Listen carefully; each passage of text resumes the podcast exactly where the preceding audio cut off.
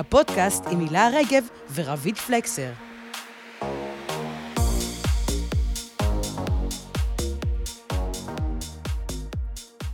חוויתי גזלייטים כמה פעמים לאורך החיים שלי, אמ, ורק בשנה או שנה וחצי האחרונות למדתי שיש לזה שם.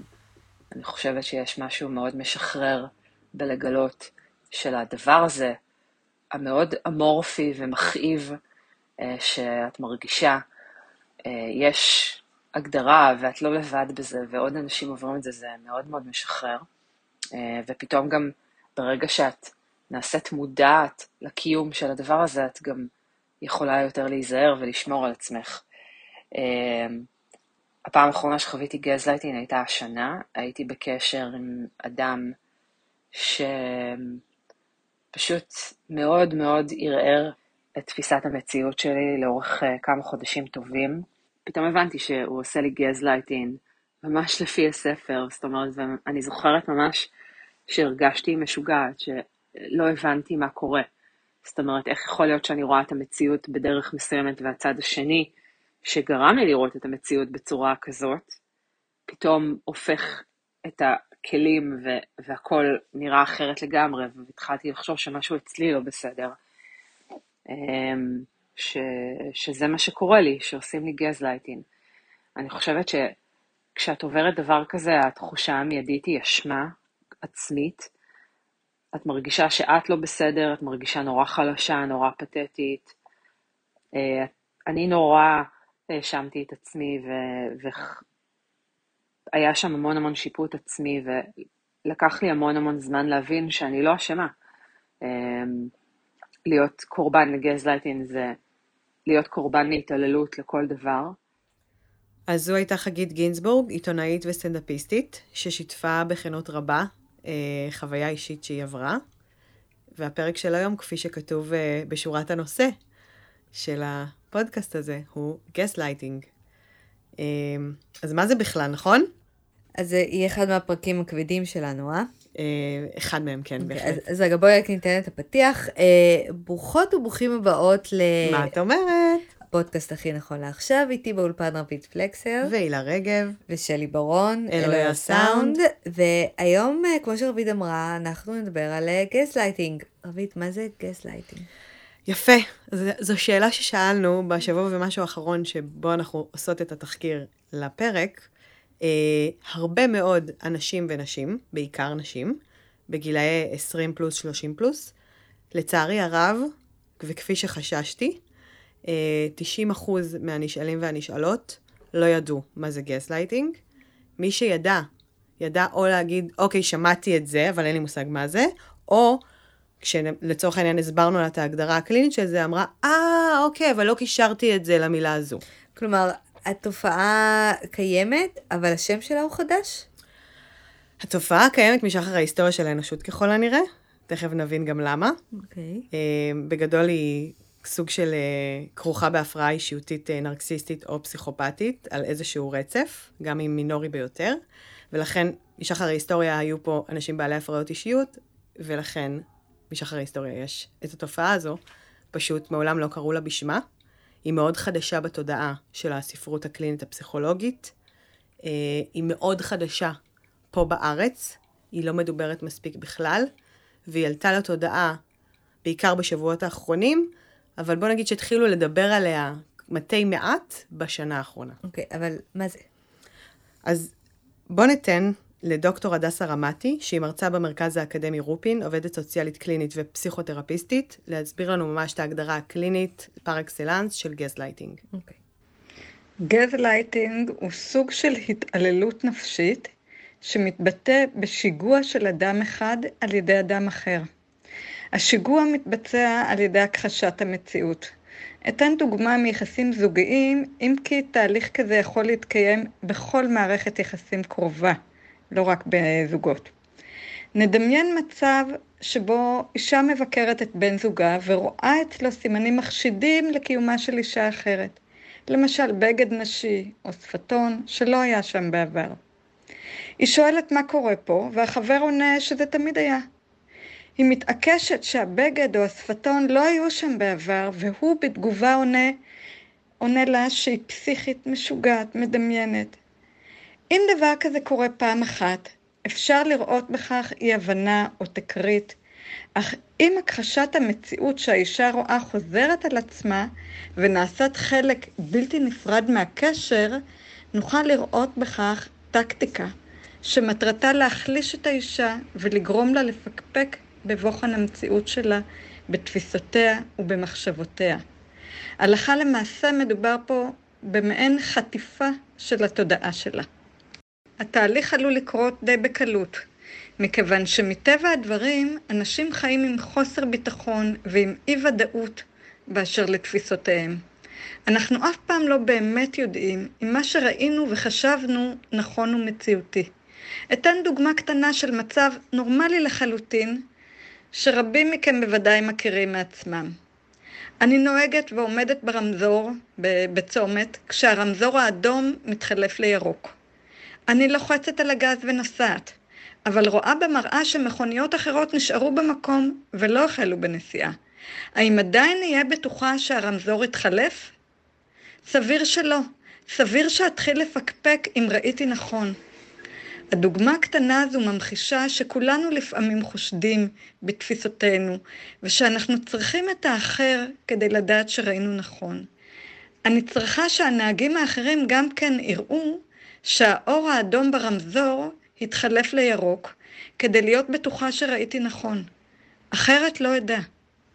הצורך הזה שאחרים יתקפו את תפיסותינו, מעניק לאחרים כוח רב. כל עוד הכוח הזה נמצא בידיים טובות, למשל אצל בן או בת זוג תומכת, או הורה תומך, אז הוא מחזק ומעודד אותנו לסמוך על עצמנו. אך כשהכוח ניתן לאדם עם הפרעות אישיות מסוימות, הוא עלול לנצלו להחלשה ולריסוק של האחר. אז בעצם מה שדוקטור רמתי אומרת זה שגזלייטינג זה שמישהו משחק לך במוח. אה, בצורה מאוד שיטתית, לעתים מחושבת יותר, לעתים פחות, זה תלוי אם הוא פסיכופת או נרקסיסט. אה, אבל קיימת איזושהי רמה של מודעות, גם מינימלית ביותר, כן.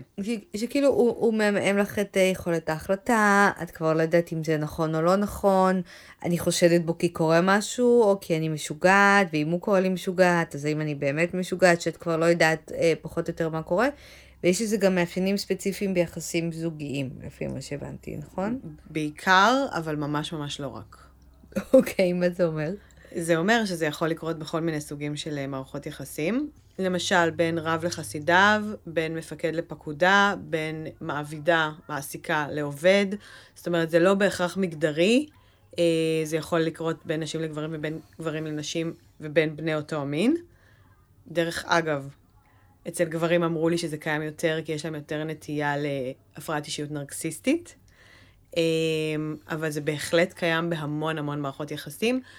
בשבוע האחרון בו קראנו מלא מלא מלא עדויות, לצערי הרב, אה, של בעיקר נשים שעברו את, ה, את ההתעללות הרגשית הזו בעצם, אה, גילינו שהמערכות יחסים בעצם שזה ניכר בהם הכי, בהן הכי הרבה, או בעצם שמשאיר את העקבות הקשים ביותר והטראומה הקשה ביותר, זה מערכות יחסים של אה, משפחה קרובה, שזה בעצם הורים נרקסיסטים או פסיכופטים שמתעללים בילדיהם, או בין בני זוג, איזושהי מערכת יחסים רומנטית, וזה לא בכדי, מכיוון שזה קורה בתוך ביתך, בין ארבעה קירות, במקום שאמור להיות המקום הכי בטוח עבורך, העוגן שלך, אז ברור שהפגיעה תהיה הרבה יותר קשה ואנושה. אבל כשדיברת אמ, מקודם בתחקיר שעשית ואנשים שדיברת, אז גילית שזו תופעה מאוד מאוד גדולה ומאוד נרחבת. מאוד. אבל אחוז הפסיכופטים והנרקיסיסטים הוא לא כזה גדול. כלומר, איך... אה, את טועה ומטעה. אה, באמת? אפרנטלי, שלא נדע מצרות. באמת? כולנו כאילו מוקפות בפסיכופטים ופסיכופטיות? ממש ככה. כי אני הייתי בטוחה שזו מין תופעה נפשית, אמנם אה, מאוד אה, תקשורתית ו- וידועה, אבל היא שמורה לאחוזים בודדים באוכלוסייה. קודם כל, אנחנו מדמיינים פסיכופטים כאנשים שמסתובבים ברחוב עם גרזנים וסכינים, ממש לא. הם אנשים סופר מתוחכמים. אה, ומאוד מניפולטיביים. אני דווקא רוצה להתייחס יותר להפרעת אישיות מסוג אה, נרקסיסטית, כי נרקסיזם, גם אם הוא לא מאובחן כהפרעת אישיות, אלא יש קווים נרקסיסטיים, זה מספיק בשביל לבצע את ההתעללות הזו, את הגזלייטינג. אה, ההערכה היא, וגם נשמע תכף בהמשך שמדובר במאות אלפים. כן, כן, תחזיקי חזק, מאות אלפים. כולם בתל אביב. שכנה לכל בניין. כן. כמו שכנה משוגעת, את יודעת שחולדאי, אני תמיד אומרת שחילק, כן. משוגעת לכל בניין. לא, לא. אמ, למה מאות אלפים? כי ידועים לנו אמ, עשרות אלפים מקרים מתועדים, וואו. ואם יש עשרות אלפים מקרים מתועדים, אז ההנחה היא שיש מאות אלפים מקרים לא מתועדים, כי יש, as we speak, יש המון אנשים שנמצאים בתוך מערכת יחסים מתעללת של גזלייטינג, שהם לא מודעים אפילו לכך שהם נמצאים במערכת יחסים כזו. אמ, וזה אומר שכל אחת מאיתנו מכירה אדם כזה, שהוא עובר התעללות או מתעלל, סביר להניח שאנחנו מכירות את שני צידי המתרס. למה קוראים לזה גזלייטינג? יפה ששאלת. את רוצה לתת את מקור השם, או... אני כתבתי איזה פוסט לפני כמה, כמה חודשים. היית מהראשונות שהתייחסו לתופעה הזאת אני- בארץ. אני early adapter, זה ידוע. ברמות. בכל, בכל מה שקשור להתעללויות נפשיות, אה, בעיות אה, ש- שנוגעות לנשים, אני בהחלט early adapter, ואני זוכרת שזה מסרט יפה. משנות 40. זה, זה סרט, יפה, את צודקת, נכון, וכן, זה בשנות ה-40, עשר נקודות. בפועל זה מחזה שנכתב ב-1938, שקוראים לו גסלייט. אה, בגדול, זה תורגם לסרט בשנות ה-40, מככבת בו אגב פרט בונוס אינגריד ברגמן. אה, בגדול זה יחסים, מערכת יחסים של בעל ואישה, האישה הופכת להיות בעצם קורבן לגסלייטינג. למה קוראים לזה גסלייטינג? כי הבעל בסרט מנסה לשכנע את אשתו ואחרים שהיא מטורפת על ידי מניפולציה של אלמנטים קטנים בסביבתם, התעקשות שהיא טועה, שהיא זוכרת דברים בצורה לא נכונה. אבל הוא גם משחק לה עם האור, בדיוק, כאילו, לאט כל לאט הזמן. הוא מתחיל לעמעם את אורות הגז בבית שלהם, והיא אומרת לו, תקשיב, מה קורה, האורות אה, נכבים, נדלקים, זה, זה, הוא אומר, לא, לא, לא, את מדמיינת, את טועה. בסופו של דבר, היא באמת, מש... הוא משכנע אותה שהיא משוגעת, וגם את הסובבים אותם, היא באמת משתגעת, היא ממש מאבדת את שפיותה. אה, גם אני הייתי משתגעת אם הם משחקים לי ככה עם החשבון חשמל, אני חייבת להגיד. במיוחד עם עליית המחירים עכשיו. כן, אבל לא, אבל אני, מבינה איך... אה, כי את לא יכולה לפתוח בעצמך, את לא בוטחת במה שאת רואה, את לא בוטחת במה שאת חושבת, כאילו אם כולם אומרים לך שאת משוגעת, מתי את מתחילה לחשוב שאת משוגעת? זה אפילו לא שאומרים לך באופן אה, כזה שאת כל הזמן משוגעת, אבל יש איזה, כמו מושך בחוטים כזה, שכל הזמן טיפה מתמרן, טיפה אומר, זה לא משהו שנעשה באיזה בליץ כזה, באיזה זבנג וגמרנו, זה כמו טפטוף כזה של עירוי של נוזלים, שמטפטף לך רע לתוך המחשבה כל הזמן, והתוצאה של זה, זה באמת היעדר תפיסת מציאות בצורה לעתים קלה, לעתים מאוד מאוד מאוד קיצונית, עד כדי אה, באמת אה, הגעה לטיפול במצב מאוד מאוד אקוטי. אוקיי, אז לפי מה שאני מבינה, התופעה הזאת, בין אם קראו לה גזלייטינג או לא קראו לה גזלייטינג, היא קיימת כבר הרבה זמן בספרות המקצועית, בטיפול, אה, יש לזה מחקרים, אזכורים אה, תרבותיים וכאלה, אבל בישראל אני מרגישה שפתאום בשבוע האחרון זה נהיה מין buzzword כזה. בשבועות האחרונים, ב- כן. בשנה האחרונה, סליחה, בשנה, בשנה כן. האחרונה זה בשנה נהיה מין... מאוד, אה, בשבועות האחרונים אדרבה ואדרבה, בדיוק, ובשבועיים מיני- האחרונים, ותכף נגיע ללמה זה את קורה בשבועיים יודעת, האחרונים. מין, אה, אני לא יודעת, כי, כי, כי קראו לילד בשמו, או פתאום נתנו סימנים ואנשים אה, מתחילים לחבר את זה, אבל פתאום כאילו, כמו שאמרת מקודם, כולם עברו איזה סוג של התעללות, או מכירים מישהו שעבר התעללות, ואני מנסה להבין איך, אה, איך, מי חיבר את הנקודות, כאילו, איך פתאום יודעים שזה מה שקרה, איך פתאום יודעים לקרוא לזה בשמו. יפה מאוד, אז נכון. אה, בעצם פנינו לחני לורנצי אורן, שיחד עם עינב יולביץ', הן הקימו את יוזמת עוגן, שזו יוזמה של פסיכולוגיות שפועלות למען נפגעי התעללות נרקסיסטית פסיכופתית. הן בעצם התחילו לחבר את הנקודות האלו כפסיכולוגיות שפועלות בקליניקה פרטית. הם זיהו מטופלים שמגיעים עם סימפטומים של חרדה, דיכאון, הפרעות אכילה, והם בעצם ניסו לבודד מה החוט השני שמקשר בין uh, כולן. הם גילו שיש דמות דומיננטית בחיים של כל אחד מהמטופלים האלו, um, והם גילו שבעצם הדמות הדומיננטית הזאת היא בעלת מאפיינים של הפרעת אישיות נרקסיסטית או פסיכופתית, ולכן המטופלים הגיעו אליהם עם, עם אולי עם תסמינים ומאפיינים שונים, אבל עם אותו תעתוע הדעת, עם אותן שאלות כמו האם אני רואה לא נכון, מה אני רואה, האם אני בכלל תפיסת המציאות שלי נכונה וכן הלאה. כלומר, אני באה לפסיכולוגית שלי עם הפרעת אכילה או דיכאון, או לפעמים, את יודעת, זה גם בא הרי בהתפרצויות של, אה, של מחלות. כן, בטח, גוף נפש זה משהו שהוא מאוד מתכתב, כידוע לנו. אז ברור שזה בא לידי ביטוי בהפרעות אה, כאלה ואחרות, כמו שציינו, אבל כן, גם אה, חני לורנצי אורן מספרת לנו על בעצם מחלות אוטואימיוניות, כגון מחלות עור, אה, אני שמעתי על הרפס, יש המון המון מחלות שזה יכול לבוא לידי ביטוי בהן. מחלות קיבה למיניהן, כי הרי המוח והקיבה מתקשרים אחד עם השני. אז הם כאילו באים מטופלים מרקעים שונים, בני גילאים שונים, ומתארים, מתארים, ובסופו של דבר מגיעים לזה שיש דמות דומיננטית מתעללת בחיים שלהם, שוב, בין אם זה מערכת יחסים זוגית שאמרנו, או מערכת יחסים משפחתית. נכון. בין הורים וילדים, ואז לאט לאט הן מתחילות לעשות את הנקודות ולהבין שזה ממש תופעה. ממש תופעה תופעתית, ברמה שהן uh, מתארות, uh, שברגע שהם העלו את עמוד הפייסבוק של uh, עוגן, הן מתארות המון פניות, המון עדויות, uh, אנשים שפשוט uh, מפגיזים אותם בטלפונים שלהם, אנשים שאומרים, אוקיי, אני מזהה את עצמי פה, אני צריך עזרה, אה, ברמה של עשרות אלפי פניות ועדויות שהן אספו, ואנחנו מדברות על שנה, כן? תחזיקי חזק. אה, זה, זה מעניין מה שאמרת שאני מזהה את עצמי פה, יש סימנים, יש כאילו footsteps של כך תדעי אם את סובלת מגזלייטינג? בהחלט, כן. מה הסימנים? אז אה, גזלייטינג יכול לקרות בכל מיני דרכים. אה, לדוגמה, אפשר אה, אה, משפטים מכחישים, כמו זה לא היה, זה לא קרה, את לא זוכרת נכון. אה, יכולה להיות גם גזלייטינג אה, אה, בצורה של אה, הסתה. אה, נגיד, אה, הסתה היא הרבה פעמים בעצם אה, סוג של אה, הכפשה של הנפגעת. אה, לדוגמה, אם היא באה ומבקשת משהו או מאשימה את הפוגע במשהו, אז הוא עלה, עלול להאשים אותה במשהו אחר, שאמור לגרום לה לבושה, ואז להסיט את תשומת הלב. לדוגמה, להגיד לה, כשפגשתי אותך, את היית מוכנה להיות עם כל אחד, ולגרום לה להרגיש שהיא להרגיש שהיא צריכה להתבייש בקשרים הקודמים שלה. לדוגמה, הוא יכול אה, להסיט את הדיון ולדבר אה, על, אה, על עצמו, נגיד, אוי, גדלתי בבית אה, כל כך קשה, לא היה קרבה וחום, אני כל כך צריך קרבה וחום ואהבה, ולכן בגדתי. לפעמים זה יבוא בצורה של סלט מילים, פשוט מלא מלא מלא מילים וניסיון להגיד משהו שאין מאחוריו באמת שום, שום מסר אמיתי, העיקר בעצם להסיט את הדיון מהאשמה אה, ומלהתעמת ובאמת לדבר על הנושאים שהפוגע אה, פוגע בהם.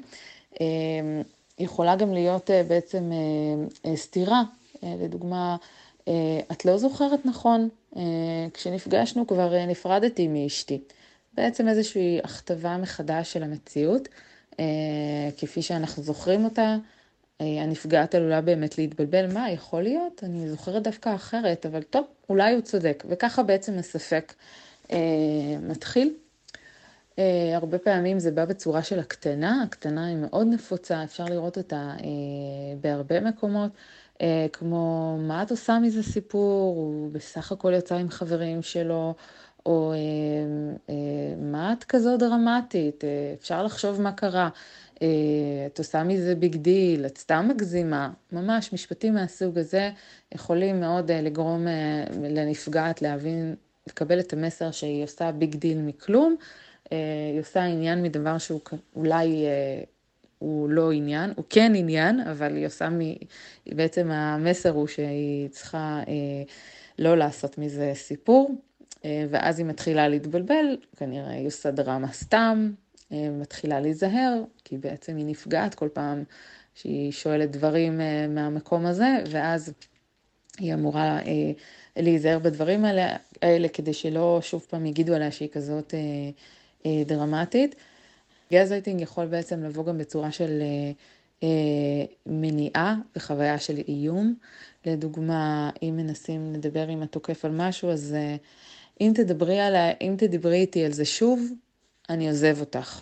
או אם תעשי דבר כזה שוב, אמ, אני לא אהיה פה יותר. בוא'נה, זה נשמע, כאילו אני מכירה לפחות שלוש חברות שלי ש... שיש להם, במערכת היחסים שלהם חלק מהמאפיינים האלה. לפחות שלוש, לצערנו הרב. כן.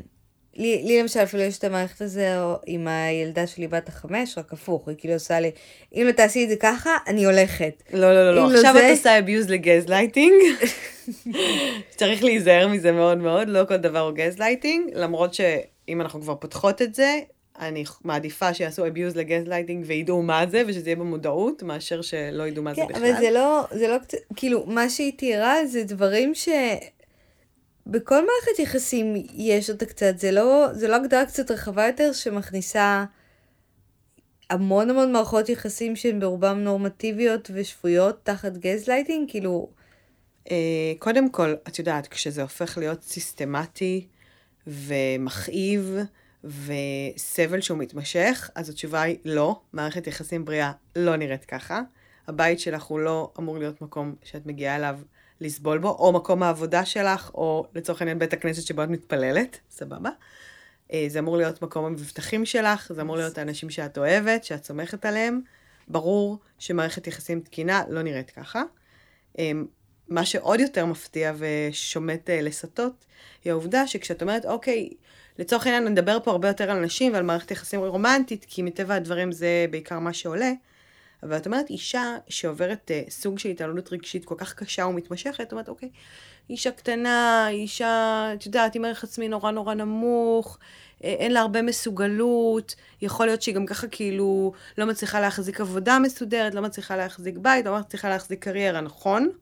כן, לגמרי. אז זהו שממש, אבל ממש ממש לא.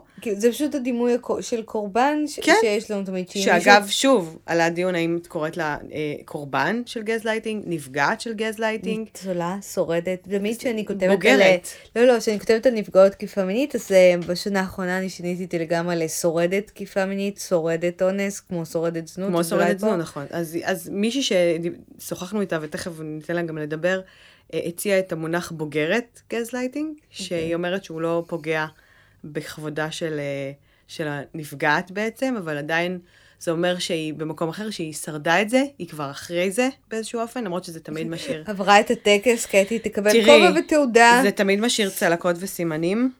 אה, הפוסט-טראומה של הדבר הזה, זה אירוע שהוא מאוד טראומטי, שהוא נשאר. זה כמו אה, במייד, בסדרה העוזרת בית טרם ראיתי, בנטפליקס. טרם ראיתי, טרם ראיתי. אוקיי, אני, אני, אני לא לך ספוילרים ברמה מטורפת, אבל יש שם את, אה, את הדמות הראשית, שאחד מהמאפייני הדמות שלה זה, זה עוני, ושהיא נמצאת במערכת יחסים מתעללת, שזו התעללות אה, רגשית. שגם מה ש... כל מה שהיא הזכירה מקודם, יש שם גם הכחשה, גם השפלה, גם סתירה, גם הקטנה, גם אני דואג לך, אני מביא אותך, והיא מנסה, אה, שהיא פונה לרשויות הרווחה, אז מציעים להפנות אותה למקלט לנפגעות אלימות. אומרת, וואו, אני לא לוקחת מקום של אף אחד ש... שהיא נפגעת, נפגעת אלימות, אין לי מכות, הוא בחיים לא אנס אותי, הוא לא הרביץ לי, אוהב את הילדה שלנו, אין שום סיכוי שזה יקרה, תיתנו את זה למי שבאמת צריכה. אה, והעובדת הסוציאלית, בקצת פאתוס, כי זה בכל זאת סדרה של נטפליקס, אומרת לה, אה, לא את כל הצלקות רואים. כאילו, יש, את וואו, זה אומרת את מעולה. זה, כן, את אומרת את זה סוג של אה, התעללות רגשית, גם לך מגיע את המקום הזה. גם מבחינתה, תני, תני לעצמך להבין שעברת פה איזה כרגע משהו שמישהו, אה, איך אמרנו קודם, קצת שיחק לך, אה, שיחק לך במוח, את חיה בפחד. עכשיו, היא, היא, היא, היא דמות נהדרת, אבל היא לא עוד חלשה.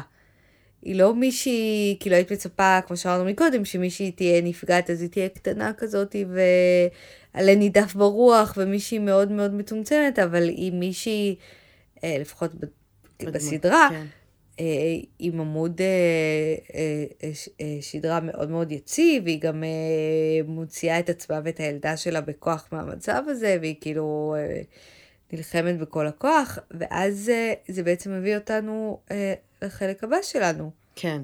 אני רגע אפתח סוגריים, כי הזכרת לי משהו באחת מהשיחות שלי, באחת מהעדויות שדיברתי עם מישהי שעברה גזלייטינג, היא אמרה לי, תשמעי, אני, לא נעים לי להגיד את זה, אבל הייתי מעדיפה אלימות פיזית על פני האלימות הקשה שעברתי רגשית. וואו. וזה משפט מאוד מאוד קשה, וזה מאוד מתחבר למה שאמרת עכשיו במייל. כדי שהחברה תכיר בזה?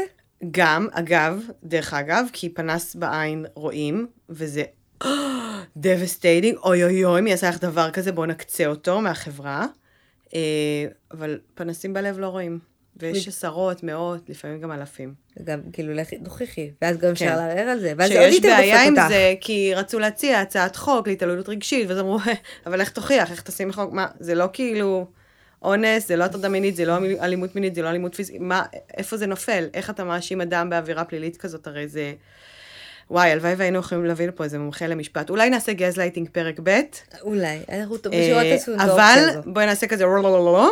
אני מאוד רוצה לשמוע שוב את אה, הפסיכולוגית הקלינית, חני לורנצי אורן, שתסביר לנו באמת על ה, אה, מה שאמרנו קודם, על זה שהאישה הזו היא בעצם לא הדמות החלשה והמסכנה שכולנו חושבים שהיא. אז אה, למי יש יותר פוטנציאל להיכנס לקשרים שכוללים התעללות נרקסיסטית פסיכופתית?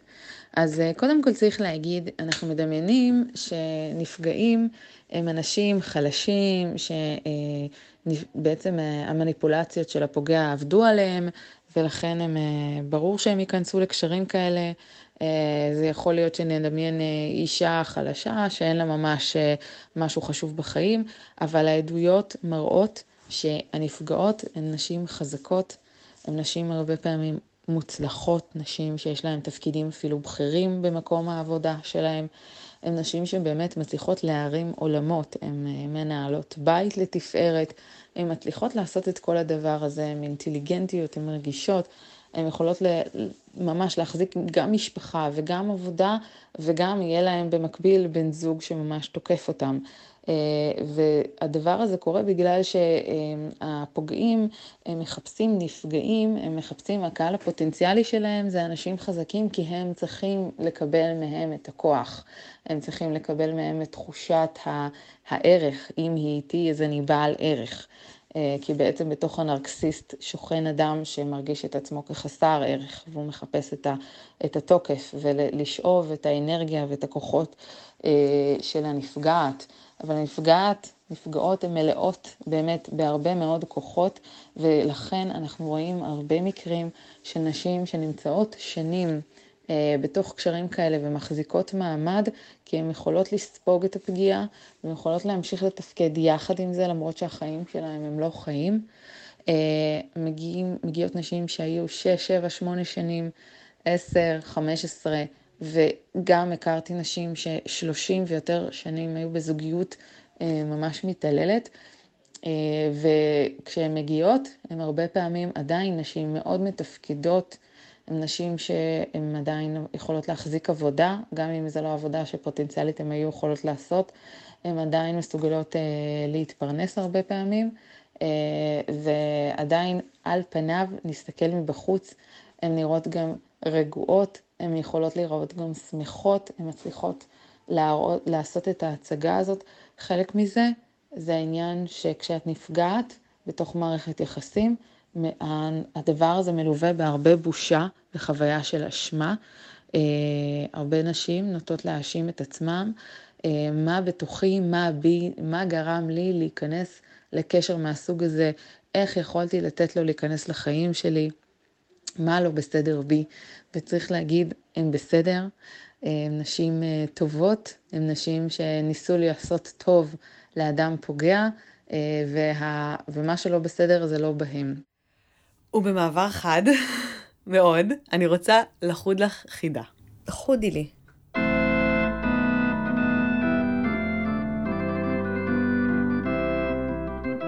רבידי, אני אישה נשואה. תראי, באופן כללי, המטרה היא להוריד, להוריד כן. מהמוס... סתם, ממש ממש לא. לא, אבל איזה רמז, מה את מנסה לראות? אז זה היה רמז מספר 1, ורמז מספר 2, או יותר נכון, שאילתה מספר 2 היא, את יודעת מה אני רוצה שתהיי לה? מה? אני רוצה שתראי את חתונמי? תקשיבי, אני לא רואה חתונמי, אבל אני קוראת את הפרשנויות, אוי, ורואה זה- את הממים. אוי, זה חלומי. אני חושבת כאילו אני חיה את זה, כאילו אני ללכת אה, בלי ולהרגיש עם. אה, וכן, תקשיבי, חגיגה של אה, קרינג'. אם, ממש, אז, נכון, אם באמת היינו איך, אה, איך זה שפתאום כולם מדברים על גזלייטינג, אין ספק של התוכנית השידוכים מהגיהנום, כאילו ממש אדם ש... ש, ש שני, שני אנשים שלא יכולים להתאים בחיים, בואו נחבר אותם ביחד וננתח את זה. שזה הגדרה של ריאליטי לדעתי, כן. אה, בהחלט הקפיצה את הדיון בתופעת אה, הגזלייטינג. וזה זה הזמן לומר שזה בעצם הטריגר, טריגר על הטריגר, אני מרגישה כאילו כל פעם מתרגר, אבל זה היה הטריגר אה, לה, להרים את הפרק הזה, כי דיברנו בחודשים האחרונים על גזלייטינג, וחיפשנו לזמן, את הזמן הנכון, ואיך לומר, אה, מלאכתם של צדיקים נעשית בידי אחרים, אני- A.K.A. איתמר לכאורה לכאורה. אני אמרתי לך את ההשערה שלי שהיא לא מבוססת על כלום, אה, אה, אבל אני פשוט חושבת שבהפקה עלו על זה שהתחבר פה איזשהו נושא אקטואלי עם דמות, עם משהו שהרבה נשים אה, מרגישות, וכדי לעורר את השיח ואת הבאז סביב התוכנית הזאת, הם כאילו הגבירו אותה לעבוד עוד קצת. מבחינה עריכתית, כאילו גם... גם איתמר ציין את זה בריאיון שהוא עשה במאקו סופש לפני שבוע. פספסתי, פשוט לא היה, לא שלחו לי 75 אלף ממים. וואי, לא, זה היה ממים. ראית ממים איקאה וביתילי? את שלחת לי את הממים איקאה וביתילי. מושלם, כן. אה, אבל שוב, אה, אין ספק שעלו פה על משהו. אני לא רואה את הסדרה ממש כדי להגיד לך, אה, זה כן גזלייטינג, זה לא גזלייטינג לפי אה, הסימנים שקיבלנו פה, אבל אין ספק שזה עורר דיון. ובאמת, נכון. כאילו בכלל מרגישים שהתרבות, את יודעת, לפני, לפני שהתחלנו להקליט את הפרק, עשיתי gaslighting in movies and TV shows, ויש מלא מלא סרטים וסדרות שכאילו רואים אותם עכשיו בראייה מחודשת. אה רגע, תום הנקס ב"יש לך הודעה" הוא לא פשוט מחזר אה, חמוד, רומנטי ונרגש, הוא משחק לה בראש והוא חתיכת כן. מטורף, כאילו מין כזה. את מקבלת איזושהי ראייה מחודשת על uh, יצירות uh, תרבות uh, אלמותיות, שבסוף מתגלה שהם כאילו מטורפים. אז זהו, אז כבוגרת אה, תקשורת, בוגרת החוג לתקשורת, ישבתי ואמרתי, רגע, זה לא ייתכן שרק פה יש ייצוג לגזלייטינג בריאליטי הזה, הרי בטוח שיש עוד מקומות. עכשיו, אני לא זוכרת שראיתי שום תוכנית או סרט לאחרונה שנאמרה בו המילה גזלייטינג, אבל עוד יותר חמור מכך, אני לא זוכרת בכלל שראיתי איזושהי צורה של התעללות כזאת בצורה שהיא זכירה לי, שמן הסתם זה, את יודעת, די דבר שמוביל לדבר, ולכן פנינו לנעמה ברקן, שהיא עורכת מדור הטלוויזיה של ynet, וביקשנו ממנה באמת לקבל את האינטרפרטציה שלה על הייצוג של התופעה הזאת במדיה, איך היא באה לידי ביטוי ואיך היא רואה גם את העתיד. בשבועות האחרונים השיח סביב גזלייטינג צבר תאוצה ברשתות החברתיות, אבל אם נסתכל קצת יותר לעומק, נגלה שהתופעה הזאת הייתה איתנו הרבה לפני העונה הנוכחית של חתונמי. בין אם בתוכניות ריאליטי או בסדרות דרמה, ואפילו בקומדיות רומנטיות, נתקלנו בלא מעט דמויות מניפולטיביות שדואגות לטשטש את בני הזוג שלהן ולכבות כל נורה אדומה שעלולה להידלק. באיוש של נטפליקס למשל, אנחנו עדות לשלוש עונות מלאות בגזלייטינג. ג'ו מתאובסס על בחורה שהוא פוגש, חוקר אותה לעומק היטב, וכשהוא יוזם את המפגש הראשוני הם מיד מתאהבים במרכאות, והוא מצליח לשכנע אותה שהוא האחד שלה, האביר האציל על הסוס הלבן שבא למלא את כל צרכיה. אלא שאז, לאט לאט, הוא מתחיל להרחיק אותה ממעגלי החברים שלה ומהמשפחה, ומפעיל עליה ערימות של מניפולציה, בטענה שהוא עושה את כל הדברים המטורללים האלה לטובתה בלבד, כי אף אחד לא אוהב אותה כמו שהוא אוהב. בסיפור פשע אמריקאי לעומת זאת, הסדרה שחזרה לאחרונה לפרשת מוליקה לווינסקי, רואים איך דמותו של ביל קלינטון ממשיכה להחזיק אותה על אש קטנה, וכשהיא מבינה שהוא מתרחק ממנה ותוהה לגבי אופיו המנצל של הקשר, הוא מכחיש עם תירוצים ושולח לה מתנות כדי להרגיע את כל הספקות שלה. ולא צריך להזכיר איך הסיפור הזה נגמר במציאות ומי שילמה את המחיר הכבד. וזה לא קורה רק בדרמות, אפילו בחברים, רוס, הבחור הטוב האולטימטיבי, לכלך את הידיים שלו עם קצת גזלייטינג, כשהוא ורייצ'ל התחתנו שיכורים בווגאס, וכשחזרו הוא שכנע את רייצ'ל הלחוצה שהוא ביטל את הנישואים, אבל בעצם שיקר לה בפנים רק כדי שלא יצטרך להתגרש פעם נוספת. אבל גרוע אולי יותר מכל הן כמה מהקלאסיקות הקולנועיות בז'אנר הקומדיה הרומנטית, שמבוססות ממש על זה. אפילו מזמן אמת היינו משוכנעות שזה סיפור אהבה מתוק ומרגש. גם בעשר דברים שאני הכי שונאת אצלך וגם ב"יש לה את זה", אנחנו פוגשות בחורים נעים, שבמסגרת התערבות או עסקה עם חברים נאלצים לפתות את האאוטסיידרית של השכבה. הן תמיד חושדות ומנסות להבין מה עומד מאחורי ההתעניינות הפתאומית, אבל הם בתגובה משכנעים אותן שאין שום קאץ', שהן בסך הכל ממעיטות בערכן. כך שגזלייטינג למרבה הצער תמיד היה ותמיד יהיה חלק מסיפורים שרואים על המסך, כי הוא ממשיך לקרות גם מחוצה לו, בחיים האמיתיים שלנו. החדשות הטובות הן שהיום יש יותר מודעות לתופעה.